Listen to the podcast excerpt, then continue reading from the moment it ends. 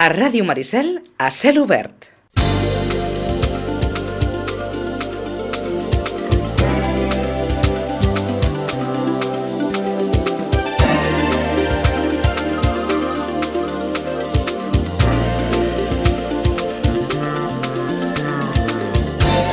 Doncs com dèiem, una nova hora d'Europa, avui 3 d'octubre de 2018. Joaquim Millán, bon dia. Molt bon dia. Aquest espai que sempre ens porta Eurolocal i que, doncs bé, tractarem avui, mm, en lloc de, de fer allò la conversa política habitual, eh, de temes eh, una miqueta més concrets, una miqueta més específics, però sobretot també que, estan, que han estat bastant a l'agenda dels, eh, dels mitjans les darreres setmanes. Correcte, vull dir, jo crec que és important, ja com deies tu a l'encomençament, any electoral europeu, a part de municipal, i vés a saber tu, bueno, ens fixarem en Hora d'Europa, parlarem de, de temes que estan sobre la taula a nivell europeu, que ens interessen com a ciutadania i que, a més a més, els hem de tindre en compte que ara eh, sapiguer què volem, quina Europa volem en els propers anys, especialment, per exemple, avui, doncs, quan parlem de, de gent gran, eh, és un tema, és un col·lectiu prou important a, a nivell europeu per decidir què volem i què s'hauria de fer, i després un altre tema que és que s'està generant molta polèmica als darrers temps, i ho veiem a casa nostra, però també ho veiem a nivell europeu, també com tractem a totes les notícies digitals, xarxes socials, les fake news, etc, que ha donat molt de sí eh, als últims temps, inclús al amb seu parlamentària, no? Uh -huh. Com la tenim aquí, la podem saludar, tot i que parlarem després amb ella, abans de, que, de la primera conversa telefònica. Susana Pérez, bon dia. Hola, bon dia. Ens vens a parlar del tema de les fake news, de, del tema doncs, de, del futur digital, que, que bé, que és un altre dels temes, mm, més que res, eh, davant d'una societat poc preparada, eh, com, com ho entomem? I tant, sí, parlarem d'aquest canvi de paradigma que hi ha hagut, d'una venim d'una escassetat informativa i ara passem a una abundància informativa i com estem nosaltres generant aquestes dades, aquesta informació, com ho estan fent els mitjans i quina responsabilitat hem de tenir al respecte tots plegats perquè no ens colin aquestes notícies falses.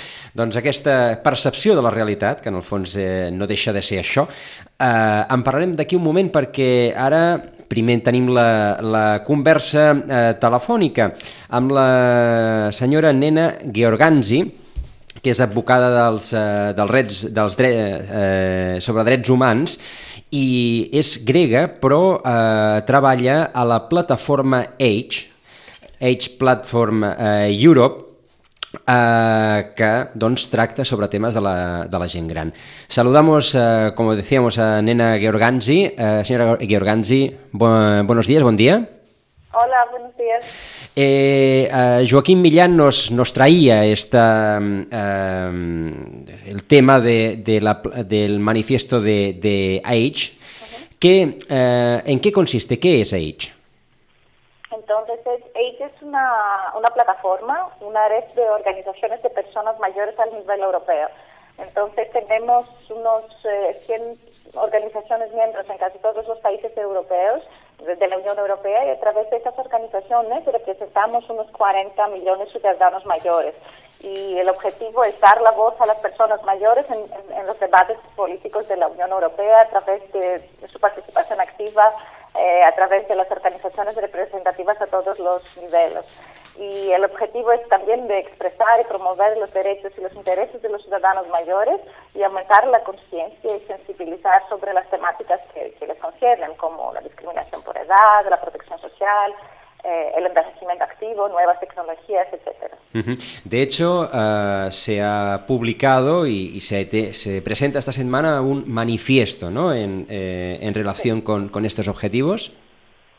Sí, el, el manifiesto es eh, directamente asociado con las elecciones europeas uh -huh. para los eurodiputados que tendremos en, en 2019. y entonces cuál, cuál es la, la, razón por este manifiesto. Es que, eh, como lo saben, la Unión Europea no es solo una unión económica, sino una unión donde se pueden tomar medidas concretas, medidas sociales, para garantizar los derechos y el empoderamiento de todos los ciudadanos, incluso de las eh, personas mayores. Y hoy, eh, las personas que tienen más de 65 años, eh, representa casi un quinto de la población de la Unión Europea. Y también eh, el grupo de las personas muy mayores, eh, los que tienen 80 años y más, está creciendo a un ritmo mucho más rápido que cualquier otro grupo de edad de la población. Entonces es más importante que nunca dar la voz a este grupo y asegurarnos que las políticas europeas que van a adoptar eh, los eurodiputados a partir de 2019 y también el ámbito institucional europeo conocen sus problemas y llamamientos. Y en realidad, todos, cuando hablamos de personas mayores, hablamos de todos nosotros, ¿no? Eh? Porque todos estamos envejeciendo, tenemos un interés a que las prioridades del Parlamento Europeo incluyen medidas que permiten a todos nosotros participar plenamente en la vida social, económica y democrática durante nuestra vejez. Eh, esto ha cambiado, hola, buenos días, Nera, soy Joaquín. Eh, esto ha cambiado mucho en los últimos años, ¿no? Porque de hecho, antes hablábamos de una tercera edad, donde a partir de los 65, un poco pensando en la edad de jubilación y de retiro, hablábamos de tercera edad, de gente mayor, y ahora realmente hablamos de tercera edad, incluso de una cuarta edad, hablamos de segundas juventudes a los 30, de, segundas oportunidades a los 40, 50. Es decir, eh, en pocos años, en una generación, eh, esto está cambiando mucho de una manera muy rápida, ¿no? Y por tanto, mm, ¿tú crees que socialmente estamos mentalmente, emocionalmente preparados para una vejez mucho más larga de la que eh, en un momento dado aspirábamos hace unos años? Vale, claro que hay una, una pregunta de longevidad aquí que, que ha cambiado todo, esto, todo cómo vemos la, la, vida, pero yo no veo la vejez como una etapa diferente de la vida, no, no veo que hay una diferencia entre tercera o cuarta edad, ¿eh? sino hay solo la continuación y evolución normal de la vida. Y cuando hablamos de, de, problemas para las personas mayores, hablamos al final del edadismo, de, la, de las discriminaciones que afectan a personas desde su vida laboral, porque sí, claro que hablamos de, de, tercera edad a partir de la jubilación, pero hay discriminaciones por edad que empiezan eh, durante nuestra vida laboral cuando tenemos 50 años y no tenemos las mismas oportunidades para el aprendizaje eh, o para, mm, eh, no sé, para promoción en la vida laboral, hasta las personas que necesitan ayuda en su vida diaria a largo plazo, las personas que tienen más, más años. Entonces, cada periodo tiene su particularidad, sus desafíos, pero no es correcto decir que la tercera edad es diferente de la cuarta o que es un, otro periodo de, vida. Y claro que tenemos que adaptarse nuestra nueva conceptualización de, de, la vida, y, pero también reflejar un poco la diversidad de ese grupo, porque hay también personas que, digamos, eh, eh, pertenecen en la gama de la cuarta edad cronológicamente, pero siguen trabajando, seguir viajando, no tienen problemas de salud. Entonces, la edad no es un criterio para restringir oportunidades o para dar derechos o para apoyar, no apoyar, incluir, no incluir.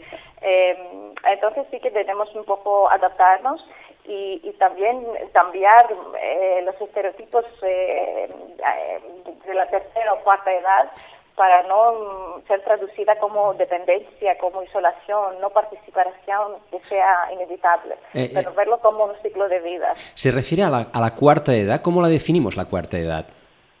Ya, como lo digo, yo, yo, no, yo no veo que hay una cuarta edad que es diferente de la tercera edad. ¿eh? Correcto. Porque sí, eh, tenemos que ver la vida en su diversidad. y, y, y, el problema sí, eh, claro, eh, como por ejemplo los niños, cada niño eh, crece y, aprende las cosas en su propio ritmo. Nosotros envejecemos también en, ritmos eh, diversos, entonces no no podemos decir que cada persona que tiene 80 años tiene las mismas oportunidades, los mismos problemas, los mismos desafíos. Lo que tenemos que hacer atención es de no eh, como identificar la cuarta edad o la, las personas más mayores como sinónimos de dependencia, de isolación eh, eh, de la sociedad.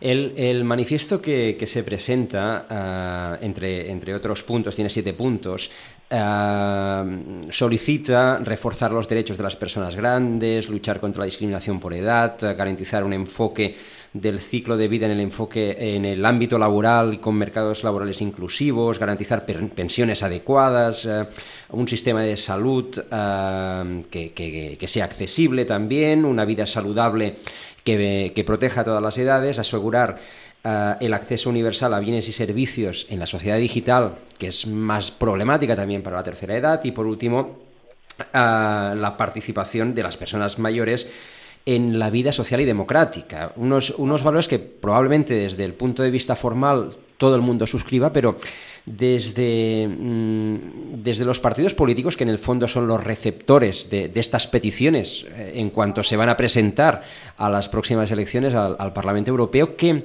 eh, ¿qué receptividad hay uh, sobre estas cuestiones que, como decimos, son genéricas, probablemente todos firmarían, pero que se tienen que trasladar en propuestas concretas. Bueno, eso depende, no, no, puedo, no puedo responder de una manera tan general como, uh -huh. como lo reciben y también como estamos solo al principio de de como de divulgación de ese manifiesto, pero sí que están receptivos y eso no es la primera vez que lo hemos eh, que eh, estamos haciendo ese manifiesto, lo hemos hecho para las eh, las elecciones de dos, 2015, por ejemplo, y, y, eso que nos ayuda es que tenemos al, al nivel del, del, del, Parlamento Europeo hay un grupo eh, de diputados, eurodiputados que forman parte de, del grupo que se llama Grupo sobre el Envejecimiento y la Solidaridad entre Generaciones y son un poco los que más son receptivos en estas preguntas. Pero también creo que, como lo, lo dijo en el principio, como la, la cuestión demográfica y todo eso es un, una temática muy importante en este momento en Europa y también a nivel nacional, no, no lo pueden dejar completamente, no lo pueden abandonar. Entonces, puede ser que no vayan todos de acuerdo con todas las proposiciones, pero la, la importancia de ese manifiesto es dar conciencia, dar visibilidad en, en, estas, en, estas, temáticas. Este grupo de diputados al, al que ha hecho referencia es transversal, eh, es de diferentes opciones políticas. Sí, sí, claro, claro. Uh -huh. Um, a ver, y por lo que respecta a las, a las personas mayores, cada vez eh, tienen más autoconciencia de, de, su situación y más, um, más proactividad a la, a la hora de, solicitar, uh, pues eso, que se, que se les reconozcan estos derechos. Eh, sí, claro que hay, hay, hay, un trabajo a hacer aquí también y la presentación de, de este manifiesto aquí a nivel local también, a nivel de, Cataluña sirve este, este objetivo y, y también ha, ha, sido traducido para por otros eh, de AIDS en otros, eh, en otros idiomas. Eh, tenemos al lado del manifiesto, tenemos otros documentos que explican a los ciudadanos eh, europeos, o sobre todo a los mayores, lo que es la Unión Europea, por, qué es importante participar en las elecciones, lo que está haciendo la Unión Europea sobre el envejecimiento, qué son, cuáles son las, las temáticas que, que, les confieren, que podrían influir, que podrían hacer prioridades en las próximas elecciones y, y todo eso. Eh, entonces sí que hay un, un, trabajo de como empoderamiento, de capacity building, como digamos en, uh -huh. en, inglés, eh, para, para permitir a las personas mayores sea, que sean más activas en este un, uno de los principales problemas que ya se plantea en, en, en, todos los países de la Unión es, la, es cómo se van a poder garantizar pensiones dignas a las, a las personas mayores, porque es un, es un problema económico de primer orden. Uh, ¿cómo, ¿Cómo se plantea, cómo se pide uh, que haya una, una cierta conciencia de los políticos sobre la, necesidad de que, de que los mayores tienen que tener pensiones dignas? Eh, bueno, primero quería comentar que mm, tenemos que tener en cuenta que aunque, como lo, lo, dijo la Unión Europea, puede tomar algunas eh, también medidas sociales, no tiene las mismas eh, responsabilidades, la misma, misma flexibilidad en todas las temáticas que, que trata. ¿eh? Entonces, lo que quiero decir es que eh, la Unión Europea no puede imponer el nivel de pensiones, no puede completamente armonizar los sistemas de pensiones de los países y, tampoco puede eh, decidir cuál cuáles serán las condiciones según las cuales un país va a dar um, pensiones a los jubilados. Uh -huh. Pero lo que puede hacer es dar algunas recomendaciones y a través de sus políticas económicas, el ámbito institucional que ya existe como el semestre europeo, otras estrategias como el mercado único digital, etcétera, ejercer una influencia. Pero tenemos que tener en cuenta que para las pensiones tiene un poco de límites, digamos, por lo que puede hacer. Eh, la otra cosa que quería comentar es que eh, lo que vemos en, los países europeos es eh, el problema de, de, del edadismo estructural que tiene también una influencia sobre los sistemas de protección social. Y este es el, especialmente el caso cuando vemos eh, la situación en los países europeos durante la crisis y cuando vemos que hay no solo reducción de los ingresos, de, los, de, los, eh, de las pensiones, pero también reducción de medidas de ayuda, de apoyo a los cuidadores informales, em, eh, reducciones y problemas en el acceso a la asistencia sanitaria que incluyen a los, a los jubilados. Y eh, según una reciente encuesta del Eurobarómetro, los europeos piensan que las medidas que han sido adoptadas como respuesta a la crisis económica excluyen a las personas mayores más que a cualquier otro grupo de edad. Entonces sí que estamos eh, hablando de todo esto también al nivel europeo, aunque no podemos completamente armonizar. Eh, problema muy muy importante también que se, que se trata a nivel europeo es la pobreza femenina porque mm, hay también informes de, sobre la educación, eh, adecuación de pensiones de la Comisión Europea que revela que la diferencia de pensión según género em, es hasta un casi 40%. Entonces vemos que aunque la diferencia de, de los salariados no es tan grande. Cuando vemos la diferencia de ingresos eh, entre hombres y mujeres, eh, la diferencia es muy, muy grande. Y esto refleja las discriminaciones múltiples de las, de las mujeres. Las pensiones son, eh, fruto, son fruto de las, de las cotizaciones y como las cotizaciones de las mujeres han sido siempre inferiores, pues ahora esta discriminación se, se, traduce en pensiones más bajas. Es lo que se llama la discriminación acumulada. O sea, has ido acumulando discriminación y encima las sufres en, en, en cuando envejeces, ¿no? Sí, claro, y no es solo porque las mujeres tienen eh, ingresos más bajos durante su vida laboral, pero que están ocupadas más frecuentemente en el sector informal, no, no cotizan tanto, que eh, tienen que dejar sus carreras para cuidar a sus hijos y padres, toda eh, eh, tiene un efecto negativo. Pero también como las, las mujeres viven eh, más, eh, más largo eh, y viven con más tiempo con discapacidad, eso quiere decir que necesitan más, más ingresos para acceder a, unos servicios sanitarios, de cuidado, etcétera. son, son los problemas. Entonces, lo que podemos hacer a nivel eh, eh, europeo es, eh, ¿por qué no adoptar una directiva marco? sobre la renta básica, lo que están discutiendo, que no cubra solo las pensiones, pero sí que debería también cubrir las, una pensión mínima, y, pero teniendo en cuenta no solo cómo luchar contra la pobreza, pobreza pero también tener como punto de referencia lo que digamos nosotros un cesto de productos y servicios. Esto quiere decir eh, una pensión mínima es una pensión que permite a las personas mayores no solo a vivir sin eh, ser pobre, pero también tener acceso a servicios esenciales, a, eh, al hogar, a, también a la cultura, al transporte, etcétera.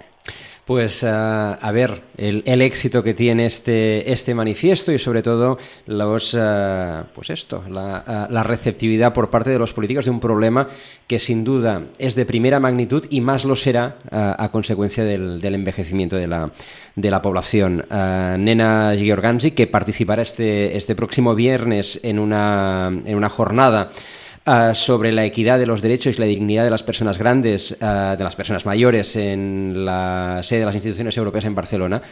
Uh, muchísimas gracias por, por, estas reflexiones sobre el, um, una necesidad de, social de primer orden. Vale, gracias. Muchas gracias. Nos vemos el viernes, nena. Buenos días. Chao, chao.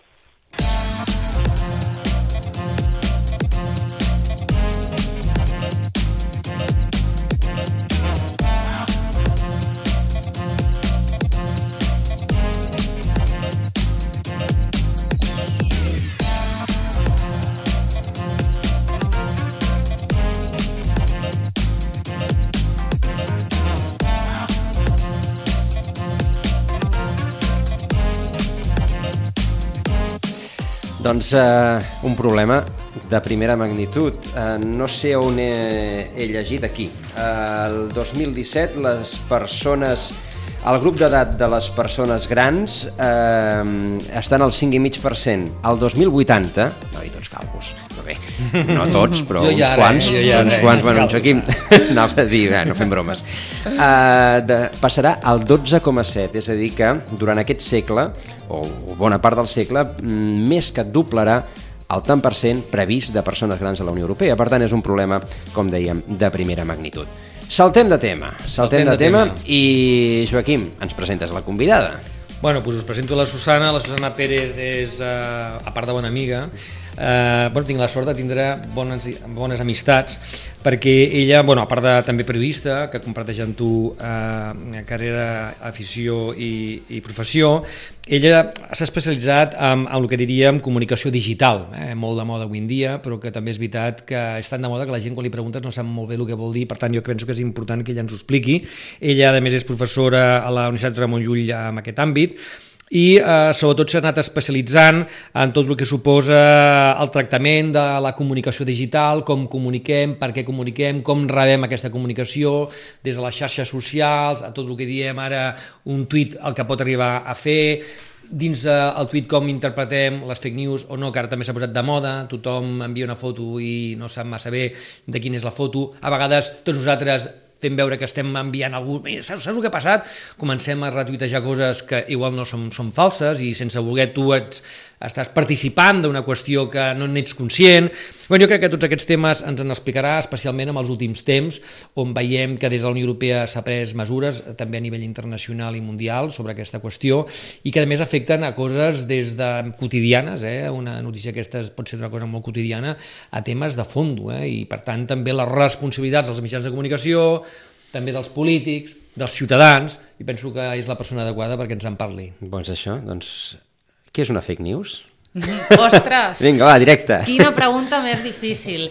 Què és una fake news? Doncs aviam, és una notícia vale, que està generada per intentar manipular l'opinió pública. Per tant, direm que és una notícia que té una intencionalitat d'afectar en, el, en el nostre vot. Uh, a veure, m'aturo ja directament aquí uh, en aquesta primera definició. Mm, quan el 1898 un diari nord-americà va informar de, de que els espanyols havien enfonsat un vaixell a Santiago de Cuba, allò era mentida. I tant, i per tant podem dir que les fake news no són un fenomen Val. nou que apareix en internet. La desinformació ha existit sempre. El que passa que ara amb internet es reprodueix més ràpidament el que tenim és molta gent que està connectada i que pot difondre aquesta informació a una velocitat que no havíem vist abans. Per tant, el problema no estaria tant en el fet de la intencionalitat de, de donar una informació incorrecta amb la intenció de manipular, sinó que també, que també sinó, però, però això ha passat sempre, Efectivament. sinó en la capacitat que hi ha de que això es vagi reproduint d'una manera absolutament descontrolada. Correcte. El problema que tenim és que hi ha hagut un canvi de paradigma que jo crec que hem parlat molt poc, uh -huh. perquè hi ha altres temes que estan ocupant l'agenda política. Quin és aquest canvi de paradigma que hi ha hagut? Doncs que amb l'aparició d'internet qualsevol ciutadà pot produir i difondre continguts, uh -huh. informació. Això abans no passava. Abans la comunicació, la informació estava monopolitzada i estava en poques mans. La tenien principalment els mitjans de comunicació i també podríem parlar de biblioteques, etc etc. però quedava reduït, o els mestres, els professors, però quedava reduït en petits àmbits de coneixement. Uh -huh. Per tant, donàvem responsabilitat a aquestes persones de fer un bon ús d'aquesta informació, de que aquesta informació fos honesta o fos veraç. Què passa amb l'aparició d'internet? Doncs que trenca les barreres de la creació i la difusió dels continguts. Ja no cal tenir una redacció al darrere per generar notícies, ja no cal tenir una torre d'emissió per difondre-les a la població. Ara jo, fulanita de tal o qui sigui, amb un aparell mòbil, amb un telèfon mòbil, que és una cosa que tots tenim a la nostra butxaca, podem crear aquestes notícies i les podem difondre a tota la població. Això té efectes molt positius perquè els ciutadans ara estem més informats que mai, més ben informats que mai, però també té d'altres efectes negatius, que de vegades aquesta informació no és tan veraç com sembla, per exemple, o que de vegades ens poden colar notícies que són eh, completament falses i poden manipular el nostre vot. Però això, això serà a partir de la, de la capacitat que tingui el generador de la, de la notícia incorrecta de tenir una certa audiència que, a més a més, li doni versemblança a allò que està dient. Efectivament. Això serà a partir de la capacitat que tingui aquest, eh, aquest difusor de notícies uh -huh. i el que estem veient, per exemple, en casos recents, és que una persona que tingui molts coneixements o tingui coneixements informàtics i tecnològics pot difondre aquestes notícies a una velocitat molt ràpida. Per exemple, què va passar a les eleccions, a les últimes, a les darreres eleccions dels Estats Units? Doncs que va sortir una notícia que tothom va compartir via Facebook, que era que el papa donava suport al que aleshores era candidat Trump. Això després es va investigar i es va averiguar que s'havia creat a, una, a un mitjà, o a una, no, no l'anomenaria mitjà perquè no és un mitjà, però una plataforma d'internet, a una pàgina web que es generava a Macedònia. Hi havia un grup de nois, d'informàtics, joves, que per guanyar diners, a canvi de diners, generaven aquest tipus de notícies falses i tenint un, uns vots, una, uns... Eh, eh, uns robots, el que feien és que replicaven molt ràpid aquestes notícies perquè ràpidament arribessin a molts perfils de Facebook i que aquesta gent, ostres, ràpidament i de manera impulsiva, sense parar a mirar massa el contingut de la notícia ni el format, la pàgina web on estava, només amb el titular, pim, tocaven aquest botonet de compartir i ens vam creure tots en un moment donat, o es van creure tots en un moment donat, per exemple, que el papa donava eh, recolzament al candidat Trump. Per tant, va influir en el vot dels ciutadans aquest tipus de notícies, igual que hem vist després que ha passat en el Brexit o igual que hem vist després que ha passat aquí al procés català, o sigui que realment aquestes notícies falses, aquesta desinformació és una arma política que es posa en el terreny de joc i que influeix realment en què faran els ciutadans.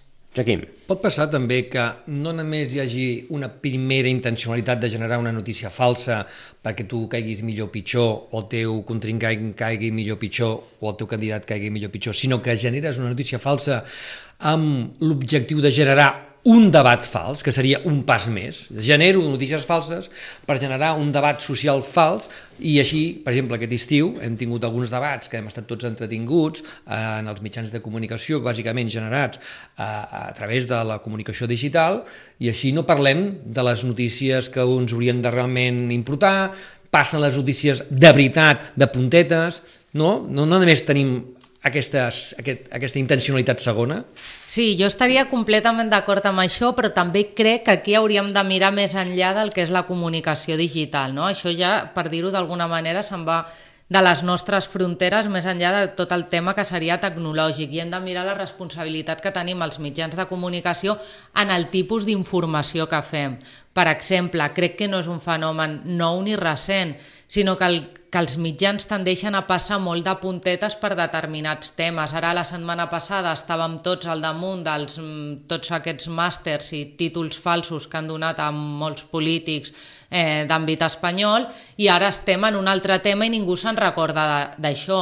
Ostres, crec que cal una investigació més acurada i més a fons, més enllà del col·labrot polític, per saber doncs, aquest institut de la rei Juan Carlos, mm. qui estava al darrere, qui el presidia, on està el senyor que el presideix, que continua en actiu, perquè aquest senyor pot continuar en actiu després que eh, sapiguem realment que ha fet aquest, eh, aquesta mala praxis, etc etc. Per tant, crec que això va més enllà de les notícies falses, aquestes cortines de fum no? que se'n diuen en l'entorn periodístic, que han existit sempre, que és que ens posem els ciutadans a parlar del tema del moment, del tema del dia, més com un relat, un col·labrot, i sense acabar d'indagar les causes, en la investigació que hi ha al darrere d'aquestes notícies tan preocupants. Però, de, de fet, això ha passat tota la història del periodisme, és a dir, tots els mitjans han competit sempre, les capçaleres, eh, les televisions, les ràdios, eh, per marcar agenda a partir de la, de, la, de la pròpia informació i de la pròpia intenció editorial que,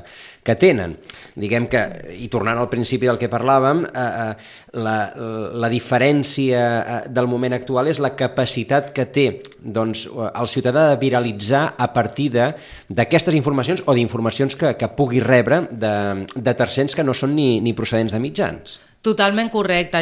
El canvi jo crec que es produeix això, no? entendre molt bé que ara tothom pot produir i difondre aquestes notícies, això és una cosa que és totalment imprescindible. I un segon canvi també, no tenim temps gairebé per a res. O sigui, el tipus de societat que estem generant ens impulsa un consum d'informació immediat. I el que et comenta... totalment. I, I reflexiu totalment. El que et comentava abans, eh, no passem a entrar dins de la notícia. Només ens quedem amb els titulars. Quan tu analitzes, per exemple, una informació que ha tingut al Twitter 1.900 retuits, quan vas a rascar una mica te n'adones que han fet clic i han entrat a la notícia, per exemple, per dir una xifra a l'engròs, el 50%.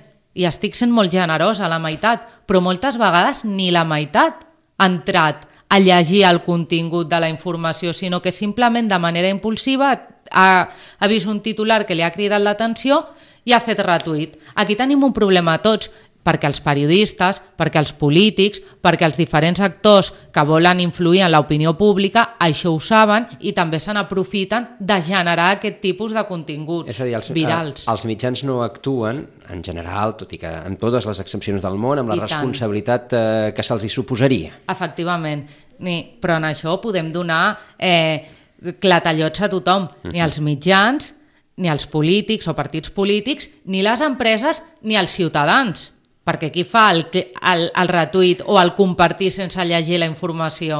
Estem, estem preparats com a, com a societat per a aquest canvi de paradigma que ens, que ens has comentat? És a dir, fins a quin punt eh, estem indefensos com a, com a ciutadans eh, educats d'una determinada manera, amb uns determinats valors, eh, davant d'aquesta allau d'informació intencionada, barra falsa, barra el que vulguem, eh, que intenta doncs, fer moure la societat cap a, cap a un ca- cap a un imaginari que probablement no, mm, anava a dir, és una mica diferent de la realitat. Jo crec que no estem preparats per a aquesta nova societat que s'està creant. I et posaré dos exemples. Ja t'he dit al principi que crec que estem parlant molt poc de la nova esfera digital, la nova esfera pública digital, i no som conscients del que està passant. Per què no estem preparats? Mm, dos exemples ràpids. Primer, no, som, eh, no estem preparats per gestionar la pròpia identitat digital o petjada digital.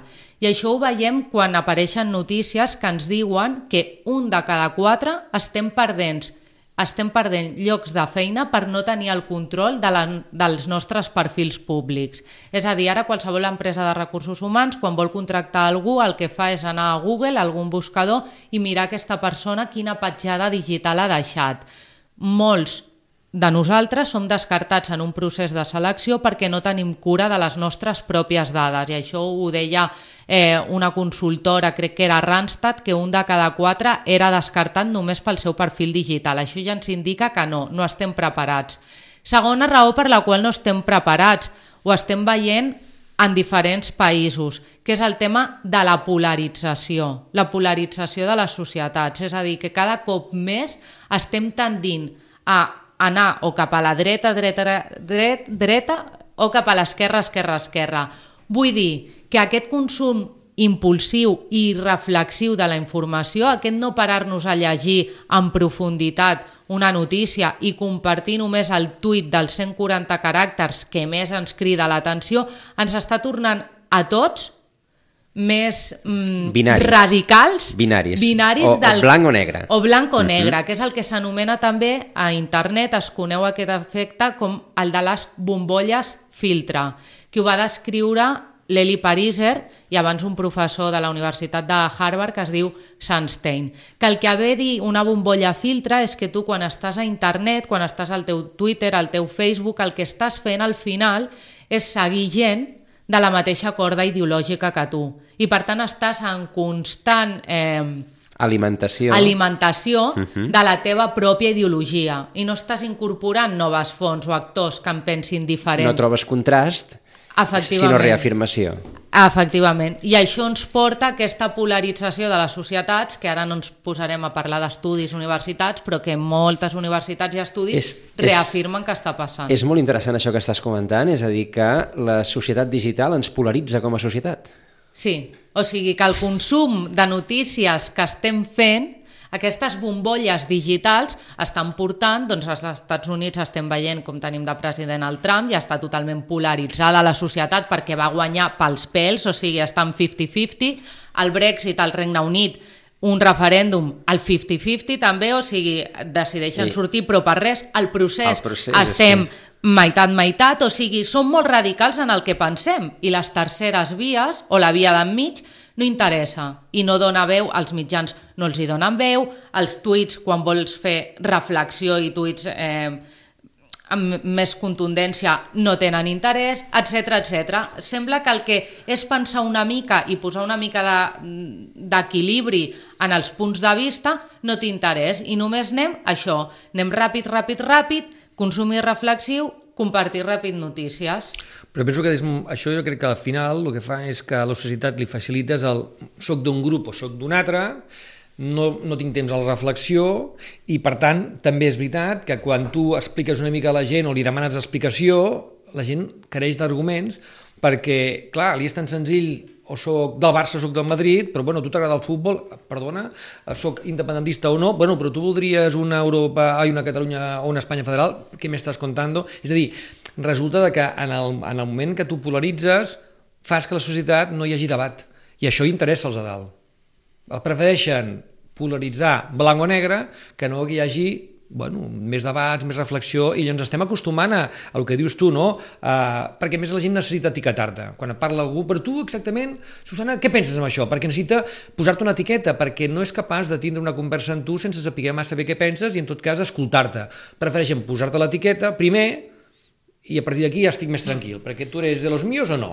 Jo crec que és important entendre com es creen aquestes plataformes tecnològiques, és a dir, eh, com es crea Facebook, com es crea Twitter, etc etc. perquè totes aquestes plataformes el que fan és jugar amb l'ésser humà i amb la condició humana i saben que nosaltres necessitem del grup per tal de reafirmar-nos. Aleshores, totes aquestes plataformes tecnològiques estan totalment gamificades. Què volem dir amb que estan gamificades? Doncs que ja eh, es procuren de dir-te quantes persones et segueixen, quantes persones fan retuit el que tu has dit, quantes persones han compartit aquesta informació, etc etc. Tenen una sèrie de mecanismes que el que fan és que a tu t'omplen d'ego i et fan sentir bé, i el que eh, deixen és eh, que amb, amb aquests mecanismes al final el que estan fent és incentivar aquest tipus de debats polaritzats. I vull dir això perquè a Silicon Valley, que és d'on surten totes aquestes empreses tecnològiques, ara s'està produint un moviment molt interessant, que és que els mateixos creadors d'aquests mecanismes que estem anomenant, número de seguidors, compartir, vídeos que reprodueixen en bucle a YouTube, etc etc, estan abandonant les plataformes tecnològiques al·legant càrrec de consciència perquè no se senten bé amb el que estan fent i amb el tipus de debat públic que estem generant. Per tant, al eh, tanto. És a dir, que hi ha un efecte perniciós en la democratització que suposa la digitalització. Sí, i ja no només la demo, no, no és la democratització per se, perquè, per exemple, hi ha coses molt bones. Nosaltres ara tenim això, el que deia al principi, més informació que mai, o volem canviar alguna cosa i tenim una plataforma com change.org que mhm. tu fas una petició i s'han canviat sí, coses que realment també, sí, eren injustes o tenim la Viquipèdia. Però sí que és veritat que la gamificació o la manera de fer d'aquestes plataformes, i ara em refereixo sobretot a les xarxes socials, Facebook, Twitter, etc, per on compartim la informació, estan pensades no pas per una eh, informació responsable, per, per aprofundir en els temes, sinó simplement perquè unes persones puguin lluir els seus arguments i saben que per lluir aquests arguments el que han de fer són missatges simples i directes, com es feia la propaganda abans. I el que volen és veure al final doncs, que aquesta informació s'ha compartit moltes vegades i que aquesta persona està aconseguint eh, molts, eh, molts retuits. Per exemple, una cosa que a mi em sembla, sincerament, al·lucinant, independentment de la ideologia, però recordem que el tuit del Rufián, que fa de les 155 monedes de plata, s'ha escrit i s'ha deixat constància per una persona, un periodista cronista que jo confio molt, que és l'Enric Juliana, que va determinar que el Puigdemont finalment no convoqués eleccions. Ostres, que un tuit pugui determinar el rumb d'un país em sembla una mica al·lucinant. Uh, hi hauria molts, molt, molts matisos eh, I, sobre això de... Sí, sí, n'hi hauria molts matisos i, i ja et dic, eh, no és per posar, perquè busquem exemples però, i els trobem però, però entenem, a tot arreu. És a dir, al fons, al fons on volies arribar sí, sí que l'entenem, és a dir, que arriba, arriba un punt que Uh, dues paraules, que deuen ser, doncs això, 8 caràcters o 10. Uh... 140. Bueno, ara, ara no, no, permet però em prefereixo 280. 100, 155 monedes i... Sí, sí. Ara, però els amb polítics estan caràcters. Són tres paraules, No, però sí, sí, tres paraules. Són, jo que penso que hi ha una responsabilitat també molt important dels polítics, perquè els polítics que en saben fan un, un, un ús perniciós i cínic d'aquest tema. Veiem, els, eh, per exemple, el del Casado. Jo no voy a negociar con pistoles en la mesa, que és el tuit que ha fet ara fa poc. Quines pistoles? Qui? La? Però la gent s'està creient que, bueno, pues que hi ha una violència armada i tal, perquè aquest senyor ho ha Per dit, la no? polarització. Llavors aquest senyor té una, una responsabilitat. Me'n recordo de Ja. la responsabilitat dels, dels camps de futbol quan els presidents deien no sé què, deien no, no, això són les joventuts, els bojos nois i tal. Al final, ben, perdoni, vostè és responsable del que passa al seu estadi, vostè és responsable del que li passa al seu partit, vostè és responsable de... I, i com deia la Joana, en trobaríem la tira de, de, també de mala praxis política d'aquests mitjans. Ens queden dos minuts. Um, hi ha alguna manera o s'està plantejant d'alguna manera una, uh, una reorientació de- de- d'aquest risc, d'aquest perill que, que ens has Sí, exposat? jo crec que és un tema que ara preocupa molt a tothom. De fet, a la Unió Europea eh, s'està eh, debatent el tema de com lluitar contra la desinformació i al llarg de l'any passat es va reunir una comissió de 40 experts per veure què és el que podíem fer. Aleshores, el que més o menys, eh? van acabar demanant és d'una banda més responsabilitat en aquestes empreses tecnològiques, que siguin més responsables dels continguts que hi circulen, però clar, a mi això em genera molts dubtes. És Facebook qui ha de controlar la informació? És Facebook qui ha de dir què és visible i què no és visible? Com ho fa Facebook? Perquè fins ara ho fa només per algoritmes, és a dir, a partir de màquines. Necessitaria persones per poder-ho fer, contractar moltes persones. Les persones que estan contractades, que són poques i fan aquesta feina, diuen que és molt difícil, que és una tarea àrdua, que no s'aconseguirà, que gairebé és impossible, etc etc. Per tant, d'una banda, més responsabilitat a les empreses tecnològiques i d'altra, més responsabilitat als ciutadans. Ens hem de saber informar bé, hem de llegir les notícies en profunditat, no hem de compartir notícies si no hem entrat dins de la notícia, hem de mirar de quins mitjans provenen o plataformes web, Correcte. etc etc etc. Però si els ciutadans eh, ja ens trobem reafirmats en allò que llegim, probablement aquesta responsabilitat no l'exercirem igual. Clar, però hem d'intentar trencar aquestes bombolles filtre. Interessantíssim, jo crec que podríem eh, haver allargat més, eh, més aquest debat perquè, perquè de fet eh, hem posat sobre la taula un, un paper que, que ens afecta a tots. Susana Pérez, moltíssimes gràcies Moltes gràcies per, a aqu vosaltres. per aquesta estoneta. Joaquim, ens retrobem el mes que Ens ve. trobem el mes que ve. Moltes gràcies a tots. I a tots vostès, eh, notis... No, no, hi ha el debat, oi? Ai, bueno, és igual. Doncs això, eh, d'aquí una estoneta, eh, la Susana amb els llibres. Fins ara.